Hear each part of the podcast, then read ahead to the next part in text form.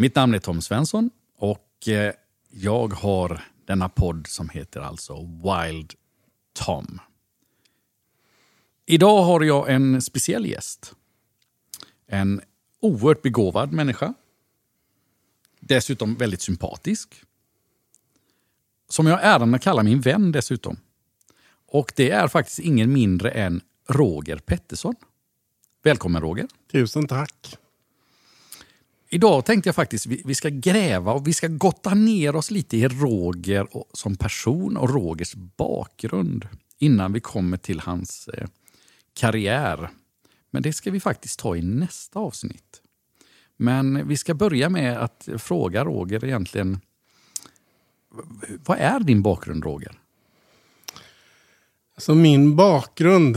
Eh, jag har ju alltid varit intresserad och engagerad i djur. Och jag kan liksom inte säga riktigt, det började då, det startade då.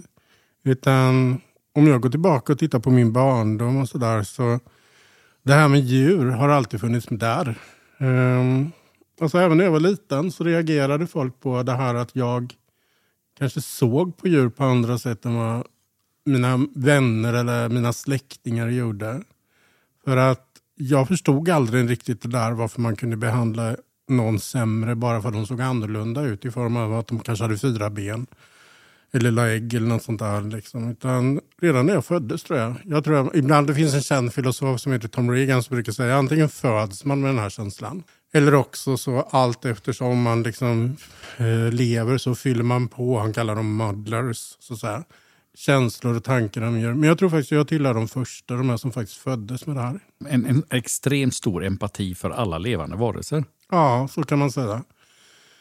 Och just det här att jag, jag kan liksom inte sätta fingret på varför, men som sagt var det naturliga för mig det var ju då att man faktiskt brydde sig, precis som du säger, om andra levande varelser också. Det här att man inte gjorde den här skillnaden av att ja, men vi människor, ja det är klart människor är något speciellt sådär. Men det innebär inte att de andra djuren ska placeras i gärdsgårdsserien eller sådär. Utan för mig så var de också liksom individer som man bör bry sig om. Och när de får illa, ja men då tog jag illa upp av detta. Mm. Det som kanske också skilde lite så här, jag tog illa upp men jag blev inte drift. Jag ska säga, det är klart att jag kunde bli ledsen men det var inte den känslan som var den starkaste utan det var den här upprördheten och hur ska jag förändra detta? Jag måste göra någonting helt enkelt.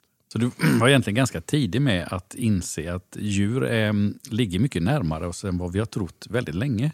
Ja, ja. Så jag har ju hört mina föräldrar och andra berätta om det här barnet som redan vid tre, fyra års ålder hade liksom de här känslorna eller den här relationen med andra djur. Man skulle egentligen säga väldigt kort att allt eftersom vi har lärt oss mer och mer så har vi också börjat inse att djur är mycket högre stående och mycket närmare oss än vad vi egentligen har insett från början.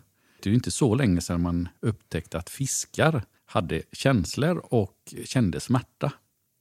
Precis. Eh, och egentligen det naturliga för mig hade ju varit, eller är fortfarande så här, att man måste naturligtvis utgå från att de andra också har det. Om man nu säger de andra. Vilket jag tror att du har helt rätt i. Jag personligen är precis som du. Mm. Jag är övertygad om att djur känner mycket mer, eh, har ett större känsloliv än vad många människor inser. Ja, absolut. Jag tror också det att djur är mycket mer komplexa i sina beteenden och komplexa i sina orsaksgrunder varför de beter sig som de gör. Ibland så är det ju så lätt att tänka sig liksom att vi människor alltid är överlägsna. Men det är vi ju inte. Det är bara att titta om man har levt med någon hund en gång så ser man ju deras överlägsenhet i många olika saker. Mm. Utifrån liksom hur de har format sina liv eller rättare sagt deras roll i vår gemenskap eller i, vårt, i vår värld. För det är det, ibland också så här, jag brukar tänka på det här, men alla individer som lever nu, vi har ju stått under liksom påverkan och inverkan lika länge. Mm. Det är inte så att människan har stått längst under påverkan och inverkan och utveckling. Sen ska man ju säga också att vi vet ju då rent forskningsmässigt att människan är ju inte bäst på allt som vi själva tror. Mm. inte ens språkmässigt har vi ju det mest komplexa språket eller ens mest ord eller mest dialekter. För det har ju visat sig, det har ju delfiner. Om man tittar på gruppnivå så är inte vi människor överlägsna. Så vi är inte så här jätteduktiga alltid på, på att interagera eller att liksom skapa en fungerande grupp. Men om man exempelvis sätter sig och studerar hästar i en hästhage mm. så ser man ju hur snabbt, även om det kommer in nya individer, hur de ganska vad säga, osjälviskt tittar. Okej, okay, vad är du för individ? Vad har du för egenskap? Vad kan du då för någonting? Kommer du kunna vara en spejare? Kommer du vara försvarare? Kommer du kunna vara... Och sen inordnar de efter de resurser de har. Mm. Liksom sådär. Och det kanske vi inte är så bra på alla gånger. Mänskligheten har väl mycket avigsidor, ska jag vilja säga. Mm. Vi är inte starkast, vi är inte snabbast. Vår enda stora fördel det är väl att vi har förmågan att eh, från tanke till utformning faktiskt ta fram saker och göra saker. Mm. Rent emotionellt och allt annat eh, tror jag inte en sekund på att vi är högre stående, precis som du säger.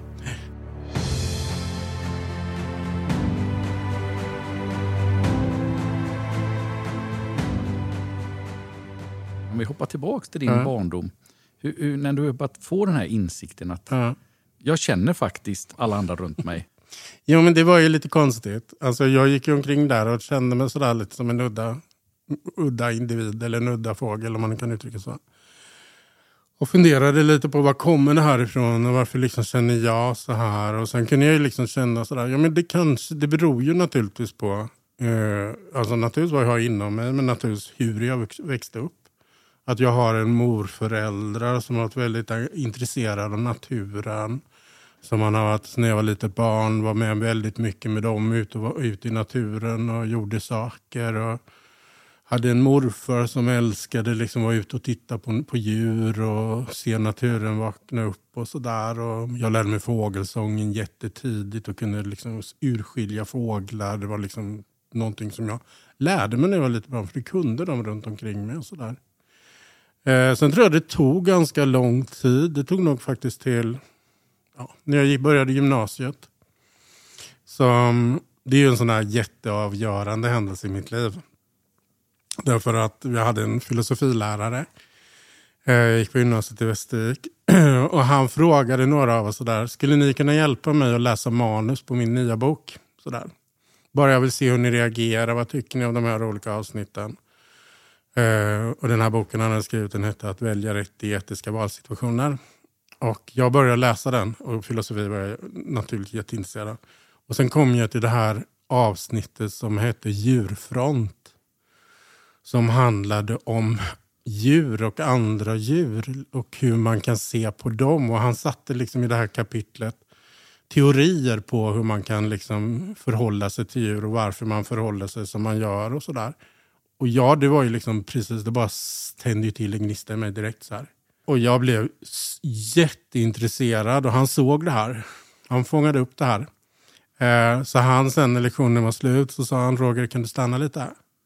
Och sen sa han, jag, jag märkte hur du reagerade när du läste de där avsnitten. Att det var liksom som, det bara brann till inom dig. Eh, och då berättade jag för honom, ja, det här är de här tankarna som jag gått och, hela mitt liv mm. liksom, mm. gått och tänkt på. Och sen nästa lektion vi hade så kom han till mig och sa att den här boken Roger, den borde du läsa.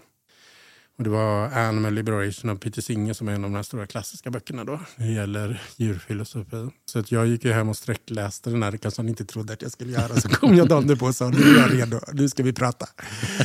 och sen höll vi på sådär hela gymnasietiden. Så det var verkligen avgörande. Så han hade redan pinpointat dig i gymnasiet? ja, ja absolut. Och sådär. Och det är som jag, man önskar liksom att alla elever i skolan någon gång ska få träffa en lärare som honom. Men du bestämde dig redan på gymnasiet? Ja, ja. Jag var 16 när jag bestämde mig att det här jag ska göra. Ja. Det är så roligt för jag kan gå tillbaka. Jag har fortfarande, du vet jag skriver ju dagböcker. Just. Så jag kan fortfarande gå in och läsa den här dagboksanteckningen från, vad var det, 17 september. Liksom sådär. Eh, och sen kan jag följa och se själv så här, hur det faktiskt utvecklades. Att jag faktiskt redan då visste att det är det här jag vill göra. Det här vill jag ägna, ägna mig åt. Men det som var också avgörande för mig, det var att jag fick kontakt med Nordiska samfundet mot plågsamma djurförsök. Och det här är några år fram i tiden. Då. Så var jag på ett möte med dem. Eh, och det är väl också den här andra milstolpen i mitt liv så att säga. Och där så satte jag mig ner och började diskutera med den som var kvällens gäst. Hon heter Birgitta Karlsson och var förbundsordförande då. Eh, och vi fastnade i den här diskussionen. Så vi satt och pratade jättelänge, alltså sent in på kvällen. Och det var då jag kände liksom, ja, men nu, nu är jag på väg dit. Nu har jag kommit dit jag vill faktiskt. Eller dit jag, den porten in som jag vill, vill använda mig av. Mm. Så det första jag började med faktiskt, det var just det här att utveckla lokal verksamhet. Eh, och även ungdomsverksamhet. Så att, eh, och det var väldigt så här, när jag ser i efterhand så var ju det en väldigt bra bas eller grund att gå utgå ifrån. I samma veva så jag var med och skrev den första ungdomspolitiska propositionen som lades i Sverige då. Jag var med i den referensgruppen som tog fram den. Så att jag hade liksom kontakter in i regeringskansliet. Och så. Och sen efter några år när jag hade gjort det så fick jag frågan, skulle du vilja jobba, ta hand om vår politik istället? Alltså det hela politiska arbetet. Eh, så då jobbade jag med kontakter med riksdag, regering, även internationella kontakter. Men framförallt riksdag, regering, politiska partier och ungdomsförbund. Ibland kan jag känna lite så att jag har haft sån tur när jag ser tillbaka. För att det som gjorde, okej okay, jag träffade den här filosofiläraren, jag träffade Birgitta, men jag träffade också väldigt många andra människor i den organisationen. Som liksom bara släppte in mig och de gav mig enormt mycket kunskap och delade med sig. Så att jag hade ju liksom väldigt bra runt omkring mig när jag började min karriär. Så att jag, jag, jag hade nog, alltså jag tror jag hade väldigt tur när jag kom in. Sen tror jag man skapar sin egen tur också om jag ska vara ärlig. det kanske man gör till en viss del, jo men det gör man säkert. Har man ett brinnande intresse för något så tror jag att det syns och det märks. Eh, och, och eh, Då får man oftast resultat dessutom. Mm. Har man någonting och man verkligen känner längst in att det är det här jag vill göra det är det här jag vill. Och att man har den här öppenheten. Eh, att man tar dem, tar tillvara och verkligen är, jag skulle nog säga är ödmjuk inför alla de här människorna som finns som faktiskt kan så mycket mer. Eh, och tar in och liksom verkligen lyssnar. Och så. Och då, när jag säger kan så mycket mer så menar jag nödvändigtvis inte de som finns just i rörelsen eller där man jobbar. Alltså jag, jag har ju lärt mig enormt mycket av de som jag naturligtvis inom akademin och så, men även inom branscherna, inom näringen. Eh, när det gäller vilda djur, alltså inom den delen och sådär. Så att just det här att vara ödmjuk och faktiskt lyssna på vad andra tycker och tänker och varför de gör det. För, för det är en enorm känsla. Och, och, så är det ju verkligen. Jag, jag älskar ju nörderi. Mm. Eh, och jag tycker att eh, många gånger kan man lära mest av de här som, som har nördat ner sig i ett specifikt ämne. Mm. Och ingen människa kan allt. Nej. Men vi kan lära mycket, om, precis som du säger, om vi är tillräckligt ödmjuka ja. och faktiskt vågar erkänna att jag kan inte detta. För det tycker jag är ett stort problem idag mm. bland många människor. Att man ja. erkänner inte att man inte kan. Istället för att säga att det här kan du så mycket bättre. Mm. Kan inte du hjälpa mig? Det här att kunna säga det till människor som egentligen tycker tvärtom som man själv tycker. Mm. Det har jag gjort många gånger också. Det här man hälsar på någon kanske inom någon bransch, inom någon näring och man förstår att den här personen kan verkligen det här området. Och då är det, inte, det upplevs inte som en svaghet egentligen att man säger men det här nu, jag kan inte så mycket om det här men skulle du kunna berätta mer? Skulle du kunna? Då får man ju nästan alltid detta tillbaka. Jag älskar dessutom gräsrotsnivå. Ja, ja, jo, det gör För där får man mycket snabb information. Ehm, och sen precis. Är precis som du säger, forskarrapporter är ju väldigt intressanta. Ja. Men, eh, Eh, gräsrotsnivå är oftast snabbare information. Exakt.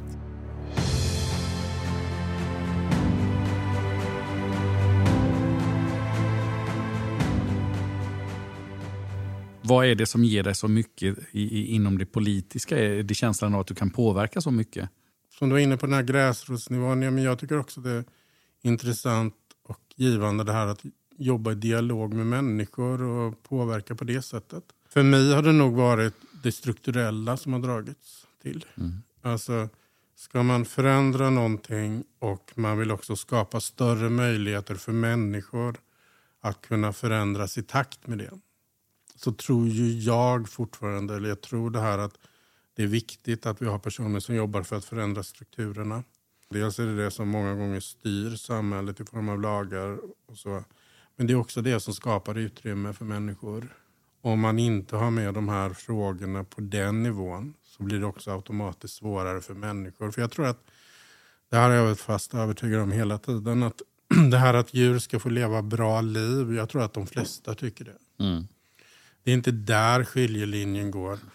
De flesta vill nog att djur ska leva ett bra liv, precis som mm. vi människor gör. Mm. Ehm, Men det svåra är oftast vägen dit. Eh, och det är väl därför som jag tänkt, trott, eller tycker fortfarande det här att kan man påverka strukturerna? För det är mycket där grunderna läggs. Kan man bara få in det här att ja, djur ska betraktas som kännande individer och skulle man kunna få in det här att de inte ska betraktas som saker, vilket de fortfarande gör i mycket lagstiftning idag, så har man kommit en bra bit på vägen när det gäller att öppna upp. Och det här är egentligen sådana saker som är självklara egentligen. Att djur är kännande varelser och att de inte är saker. De har något värde som är mer än en skokartong exempelvis. Och, sådär.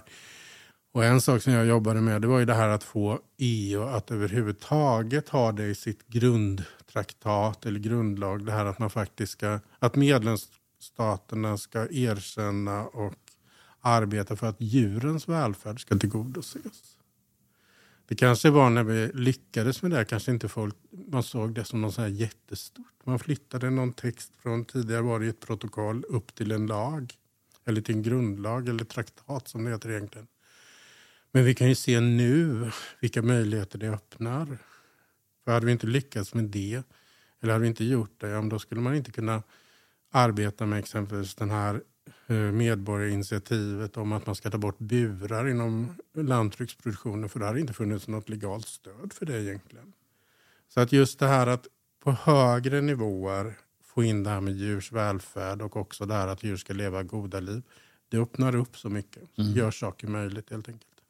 Vi har till exempel, du och jag diskuterat mycket om delfiners varande och icke-varande i delfinarium. Mm. Eh, och tittar man på storleken på en delfin kontra de här små bassängerna de har, där det inte finns någonting överhuvudtaget, så är det ju jämställa med att du låser in en, ja, ja. en människa från barns ålder till vuxen ålder i ett vitt litet rum. Det finns en del studier på det där som visar också det här att delfiner i delfinarium de har oftast större stimulans av det som är, sker ovanför vattenytan än det som finns under vattenytan. Så är det ju inte för vilda delfiner. Uh, där händer ju livet under vattenytan. Mm. Där händer det saker, men i delfinariet ser det ju likadant ut hela tiden. Uh, utan det är därför liksom det här saker som händer utanför liksom blir det kanske det knappa stimulansen som de kan få. Ja, med tanke på hur tänkande och så de är så är det, mm. ju, det är klart att de söker all stimulans de kan få och alla Exakt. intryck de kan få, precis som vi, vi själva förmodligen hade gjort. Det är många av de här vilda djuren som man har i fångenskap, även naturligtvis domesticerade, som inte får möjlighet att bete sig naturligt. Jag tror många arter till och med skulle vilja säga att det går inte. Uh, jag tror inte man, kommer, man kan inte hålla delfiner i fångenskap Nej. på ett vettigt sätt. Ja, du och jag har varit i Thailand tillsammans och sett ja. med, man, med människor med hoter som lever på elefanternas villkor. Mm. Jag kommer ihåg den första en morgon när vi skulle gå ut och gå med elefanter. Jag frågade med hoten så här, eh, vart ska vi gå idag då? Och han svarade med, ja du sa han, det är bara elefanten som vet. Där har de gått ifrån turistindustrin mm. eh, och den tortyr och, och det elände som är där till att faktiskt styra sin egen dag. Ja. Eh, och, och, vi ska återkomma till faktiskt just det här i ett eh, kommande avsnitt. Mm. Vi ska prata mer om vad vi faktiskt har gjort, inte bara ihop utan eh, för den organisation vi jobbar i idag som heter World Animal Protection.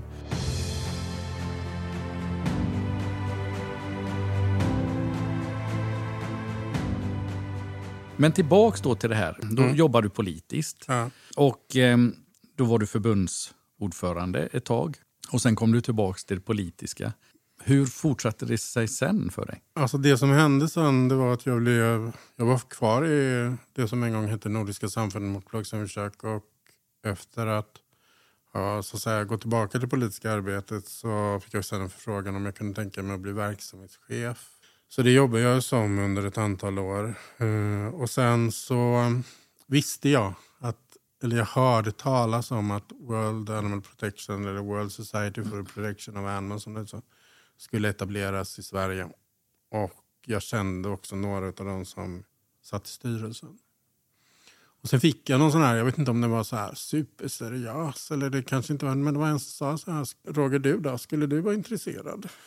Uh, och då tänkte jag så här, nej, men nu har jag jobbat i en och samma organisation i 20 år. Och att starta upp en organisation som jag verkligen gillade och som jag verkligen liksom tyckte de är, gör ett jättebra arbete. Den frågan får man inte så många gånger kan jag tänka mig. Så att jag sa det, jo men det är jag nog faktiskt. Jag är nog intresserad, jag skulle nog kunna tänka mig det här. Och sen gick det ganska snabbt. Och när ungefär var detta? Det här var 2010. Alltså, som Roger privat, vad, vad gör Roger? Om vi, jag vet att du är oerhört eh, kompetent och oerhört engagerad i alla de här frågorna. Så Ja. men, men Roger privat? Mm, ja, Roger privat. Nej, men alltså, jag är nog en ganska vanlig människa. Um, alltså, jag, jag bor ju på ett ställe alltså, utanför Västervik. Och det att jag bor där det är ju för att jag trivs med naturen. Jag vill ha nära ut i naturen. Jag vill ha nära till havet. Det ger mig jättemycket. Eh, Jag är fortfarande den här lilla nörden som tycker om att gå upp tidigt på morgonen att sätta mig på en klippa och se naturen vakna. Eh, och kanske också med kamera. Mm. Eh, det, du, är fotointresserad. Jag är väldigt fotointresserad. Duktig dessutom ska jag säga. Tack. Jag tycker om att umgås med vänner. Mm, så, nej, så här, jag har en ganska stor vänkrets tror jag. Den är väldigt utspridd också eftersom jag själv har levt så på det sättet under många år. Att jag har bott i Stockholm eller jag har bott på andra ställen och sen har man rest mycket. Och sådär. Sen har jag ju mitt intresse, det är också matlagning. Mm. Just det. Som är sådär att jag tycker det är kul att laga mat. Jag tycker jag är intresserad av att laga mat. Och sådär. Men det, både fotografering och matlagning har varit lite sådär, om det är mina privata intressen. Sådär. Mm. Så att det... Nej, för det ska ju sägas att pekpinne är du inte. Eh, Nej, Du är då vegan. ja. Ehm, Jag är inte vegan Nej. Eh, och vi umgås alldeles utmärkt. Mm. Och jag har aldrig upplevt att du har haft pekpinnes Nej. eh, fasoner, eh, vilket jag, jag uppskattar väldigt mycket. Mm. För mig är det viktigt att det kött jag äter Mm. eh, dessutom kommer ifrån djur som har levt väl. Och jag har ju sån fantastisk tur när det gäller produktion. att Jag bor ju på landet Mm. Och nära mig finns det en, en grisfarmare som heter Lyckliga grisar. Och de går ute Mm. i enorma areal. Mm. Eh, sen ska ju sägas att jag har ju en, en allergi också som Ja, just det. är lite speciell. Nej, men det här med matlagning är någonting som... Ja, så jag har ju fått det hemifrån också. Som jag har en mamma som är väldigt duktig eh, och så där och väldigt intresserad. Så att jag har liksom haft lätt möjligheter att lära mig. Och sen hänger det väl kanske ihop med att jag tycker om att göra saker från grunden när det gäller mat. och så där. Jag köper ju inte halvfabrikat sådana saker jag kan äta någon gång själv, självklart. Vad är ditt favoriträtt då? När vi Oj. ändå är inne på mat. Det varierar ganska mycket.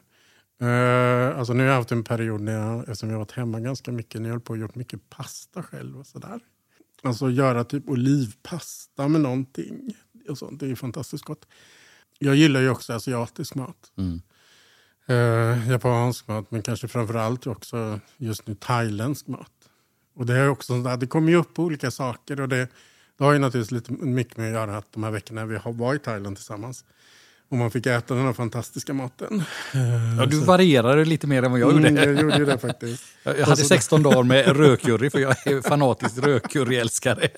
Ja, precis. Jag varierade ganska mycket. Och så där. Och sen kommer jag hem och så här, så här liksom tänker oh, det här måste jag fortsätta med. Eh, och så, där. så nu är det ju väldigt mycket det också, Mm. thaimat och så, men mycket japansk också. Och jag tror någonstans den här betyget, eller det jag gillade ju det här när man när man folk säger så åh, kan inte du laga maten den här julen för det är så gott. Och, och då har man ju lyckats. Ja, jo, men precis. Precis, då har man Det- lyckats tycker jag också. och, och det är ju det som är det roliga med matlagning, Mm. att folk uppskattar det man gör. Exakt. Sen vad det är, det är ju egentligen Mm. inte lika viktigt.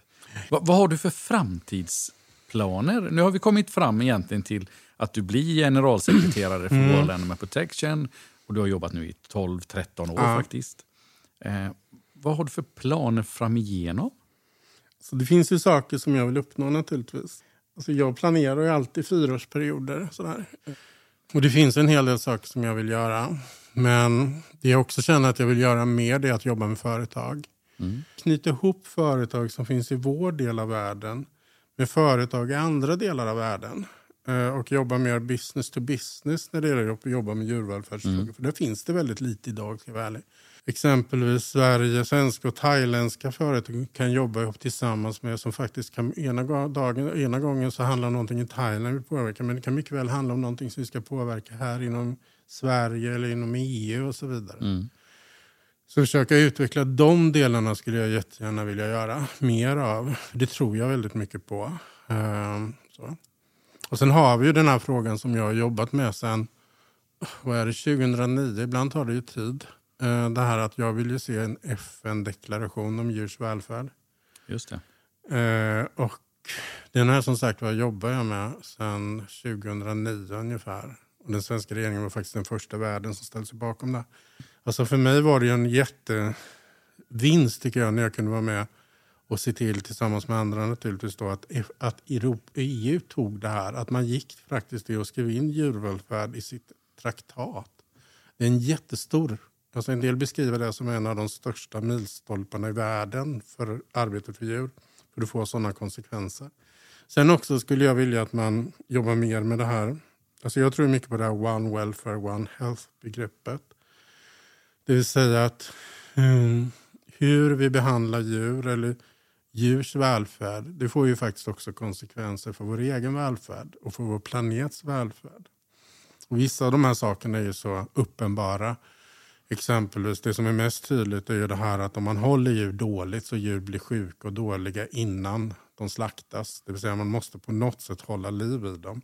Och oftast sker det ju det med antibiotika. Mm. Eh, att den här antibiotikaanvändningen som man gör då, den bidrar ju sen till att antibiotikaresistenta bakterier ökar. Att det finns en större antibiotikaresistens. Och den drabbar ju oss människor i slutändan. Och det här är ju lite som en tickande bomb i världen skulle jag vilja säga. Jag tror inte man har riktigt förstått det här än, faktiskt fullt ut. Att det är inte så många år, om man tittar totalt sett, till vi kanske befinner oss i en situation där penicillinet eller antibiotikan som har haft sån enorm betydelse för människan, att den faktiskt inte kommer verka längre. Mm. Det kommer vara väldigt mindre möjligheter att använda sig av antibiotika.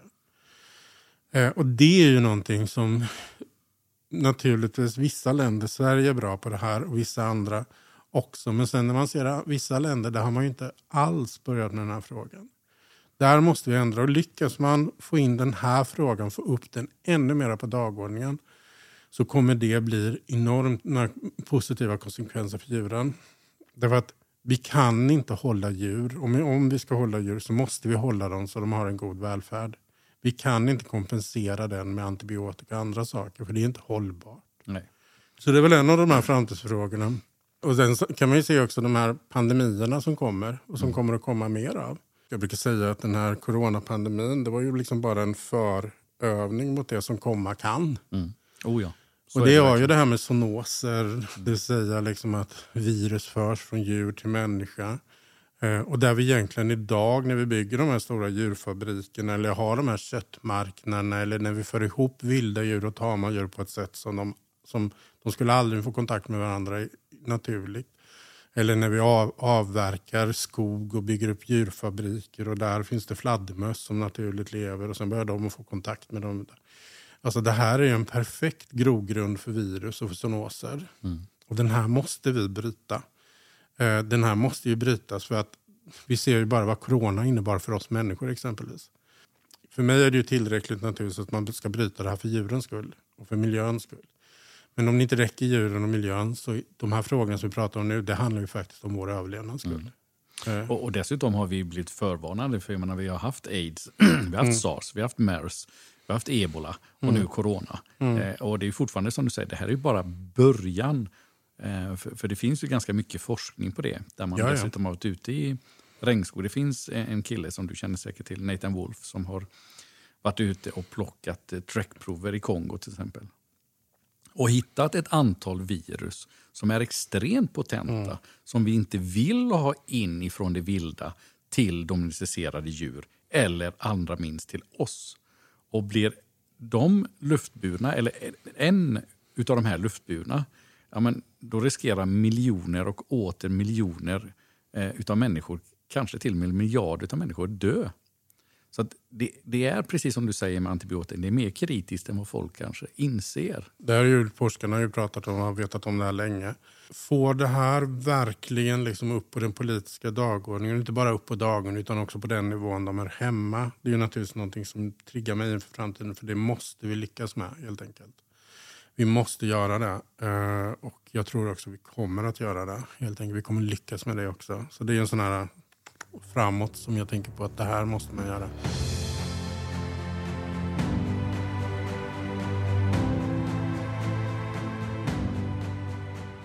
Och Sen är det också hela den här problematiken kring vad vi äter för någonting.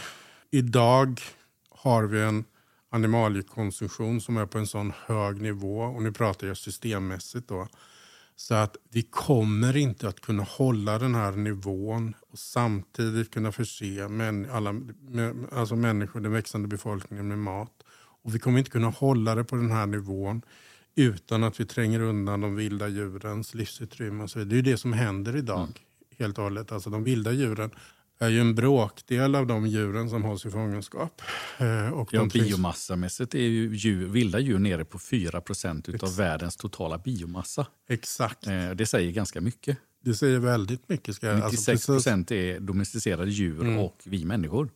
Precis, och då är frågan sådär, om vi, om vi inte kan göra det här, vad kan vi göra istället? Då? Hur ska vi leva? Hur ska vi, vad ska vi äta istället? Alltså, vi måste få bli betydligt smartare när det gäller livsmedel. Alltså tittar man historiskt sett tillbaka så en gång i tiden så levde vi i ett jägarsamhälle. Eh, jägarsamhället gick över till ett mer lantbrukssamhälle. Det vill säga istället för att gå ut och jaga djuren så hägnade man in dem och man hade dem runt omkring sig. Många gånger hängde man faktiskt in dem för att skydda dem också. Eh, och sådär. Sen gick vi därifrån till att bygga de här industrierna istället. Så vi måste bryta det här och skapa, jag brukar säga att vi måste ha en livsmedelsproduktion som är smart. Helt enkelt. Där vi liksom skalar bort de här negativa sakerna och där vi också hittar liksom andra saker vi kan äta. Eh, jag tror ju fortsatt, om jag ska säga vad själv tror, jag tror att vi kommer att äta, människor kommer att äta kött. Men jag tror att vi i allt större utsträckning kommer att äta eh, sånt som är växtbaserat. Och jag tror också i en framtid att vi kommer att äta allt mer sånt som är odlat. Så att, och det här är jättespännande, för kommer vi komma dit här och kommer vi satsa på det här så då, då kan vi faktiskt lösa många av problemen. Mm. Det ligger inom räckhåll. Eh, och jag kan bara se Sverige, liksom sådär. Jag, jobbar, jag sitter med i dialoggruppen som jobbar med den svenska livsmedelsstrategin. Och man ser hur vi använder vår åkermark idag. Mm. Så den tredje största användningen det är att lägga den i träda. Mm. Alltså vi har jättebra åkermark i Sverige men vi lägger den i träda istället. Eh, och vi skulle kunna odla mer proteinväxter, vi skulle kunna göra en massa saker istället. Liksom sådär. Så liksom ställa om vårt livsmedelssystem. Eh, och också då kunna ställa om det här, för det måste ju ske på ett sånt sätt så att producenterna inte så att säga slås ut. Det är ingen som gagnas av det. Och vi måste också kunna göra det här på ett sånt sätt så att företagen ser sina möjligheter och inte bara de här som vi också kan vara rädd för, de här stora globala företagen som snor åt sig patent på de här sakerna. Utan att vi kan få liksom en levande landsbygd, bibehålla den och utveckla den ytterligare. För det, det här växtbaserade, det skapar förutsättningar för det. Helt enkelt. Mm. Och få den här förändringen att ske. Alltså det, alltså det, är tre, alltså det är sånt som jag verkligen brinner för att se till. Mm. Men sen ser man exempelvis när de, vad som sker liksom i handelsledet eller på restaurangnivå. Alltså restaurangerna de köper ungefär 10-20 procent av sånt som odlas i Sverige. Resten kommer från andra länder. Och jag är inte emot handel, jag är för handel. Mm. Men jag är inte för att man handlar på ett sånt sätt som man gör idag. Det vill säga man köper in exempelvis, vad ska jag ta, kyckling. Från länder där man då har en betydligt sämre djurhållning och där man också har en betydligt högre användning av antibiotika.